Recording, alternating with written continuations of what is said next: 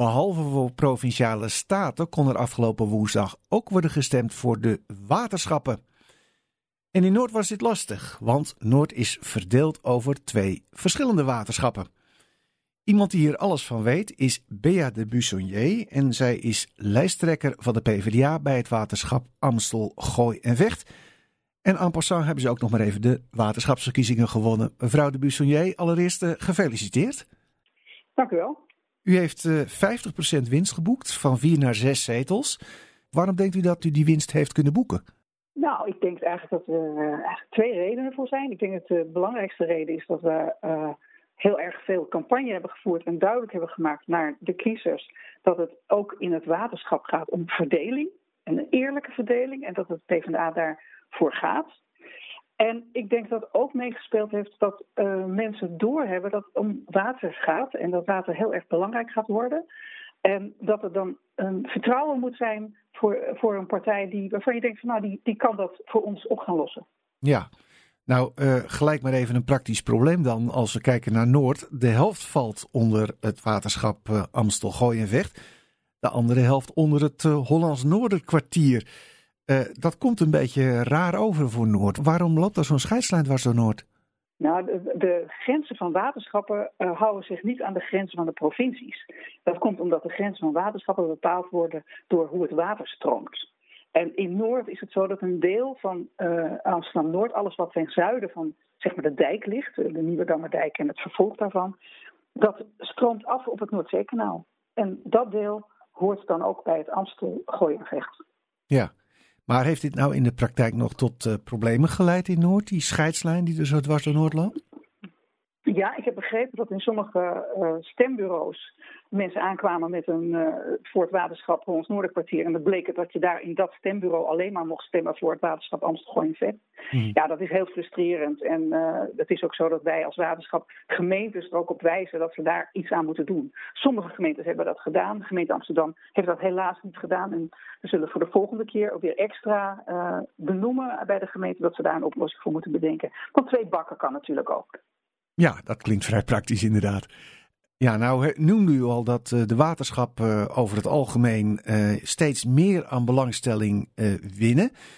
Toch zie je er over het algemeen vrij weinig van in, in bijvoorbeeld de Noord. Maar kunt u bijvoorbeeld zeggen van kijk nou, dit zijn wij.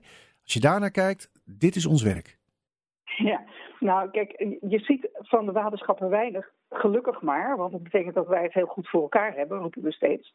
Maar het milieu verandert, hè, is veranderd. Uh, het, het, water komt omhoog. Dus we moeten dus veel meer zorgen dat het water ook weg kan. Er wordt dus veel meer aan gedaan door het waterschap. Ook de dijken worden onderhouden. Zo'n ramp als in 1960 bij Tuindorp Ronsaan, dat mag niet meer gebeuren. Dus wij zullen als waterschap ook extra letten op dat soort dingen. Maar wat ook belangrijk is, is de, de, de verontreiniging van het water. Dat we daar extra aandacht aan geven. En wat voor sommige mensen misschien interessant is, we zijn bezig met de gemeente te adviseren over de inrichting van Havenstad. En Havenstad is een deel ook in Amsterdam-Noord uh, wat uh, uitgebreid wordt. En daarvoor ze zorgen dat het ook beter gebouwd kan worden dan de oudere wijken die eigenlijk te laag liggen. Dus er wordt echt aan gewerkt. En uh, in de bestaande bebouwing, doet u daar ook nog dingen om te zorgen dat de mensen ook daar droge voeten blijven houden? Nou ja, daar, daar zorgen we gewoon per definitie voor. Uh, mensen die in de andere gebieden wonen, die zullen wij steeds meer gaan oproepen om ook zelf mee te denken over hoe je water kan opvangen en hoe je kan zorgen dat er geen wateroverlast op straat komt. Ja. Uh, nou was er voorafgaand aan de waterschapsverkiezingen in één keer toch een hoogleraar die zei van ja, het gaat eigenlijk helemaal niet goed met het uh, oppervlaktewater in Nederland. Nederland heeft het smerigste oppervlaktewater van heel Europa. Klopt dat? Oh. Ik kan alleen maar zeggen dat het klopt. Maar, maar hoe kan dat dan? dat ik bedoel, u, u, zegt nou, net, nou, nou, de waterschappen letten er overal op. Hebben de waterschappen dan toch zitten te slapen? Uh, de waterschappen hebben uh, niet zitten slapen. Sterker nog, we hebben sinds 1990 al heel veel gedaan aan de verbetering van de waterkwaliteit. De rioolwaterzuiveringen zuiveren beter dan ooit. Maar het is nog steeds zo dat wij wel het, noem maar het afvalputje van Europa zijn. Het water stroomt vanuit eh, alle landen om ons heen richting uh, Nederland. Dus we krijgen hier echt ook het slechtste water, zeg maar. Daar zit de meeste vervuiling in. En we hebben last van uh, de ja, dat de, toename van de bevolking komen steeds meer mensen wonen, ook meer oudere mensen, waardoor je bijvoorbeeld veel meer medicijnresten in het water krijgt. Nou, dat zullen we er ook extra uit moeten gaan halen om te zorgen dat het water schoner wordt. En we moeten op allerlei manieren moeten gaan kijken hoe we schoner water kunnen krijgen. Maar in 2027 is er een soort van stok achter de deur, hè? want dan moeten we voldoen aan Europese eisen, toch? Ja, dat is waar. En uh, ik kan zeggen dat ik niet verwacht dat wij in heel Nederland aan die eisen zullen voldoen. Maar een van de dingen in die eisen is ook wel dat als je aantoont dat je heel goed werkt en in de toekomst kan aantonen dat het beter wordt, dat het dan ook uh, als positief kan worden gezien. U bent niet bang dat we straks in een soort van stikstofcrisis 2.0 terechtkomen, alleen dan over het oppervlaktewater?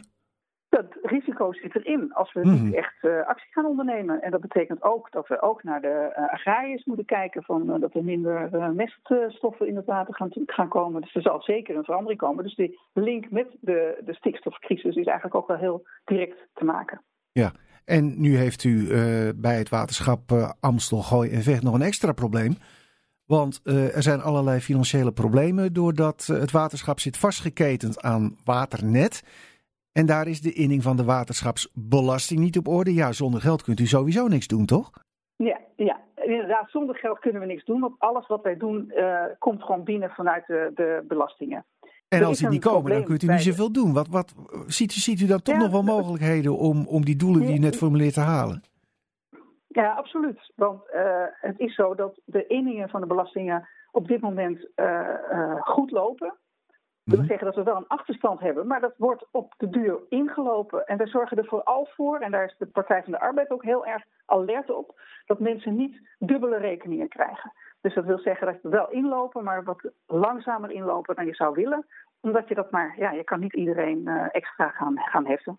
Nee, nou mag ik u veel succes wensen met het uh, innen van de achterstallige belastingen. En gelijk uh, daar ook van alles mee te gaan doen. Dank u wel, mevrouw de Buissonnier.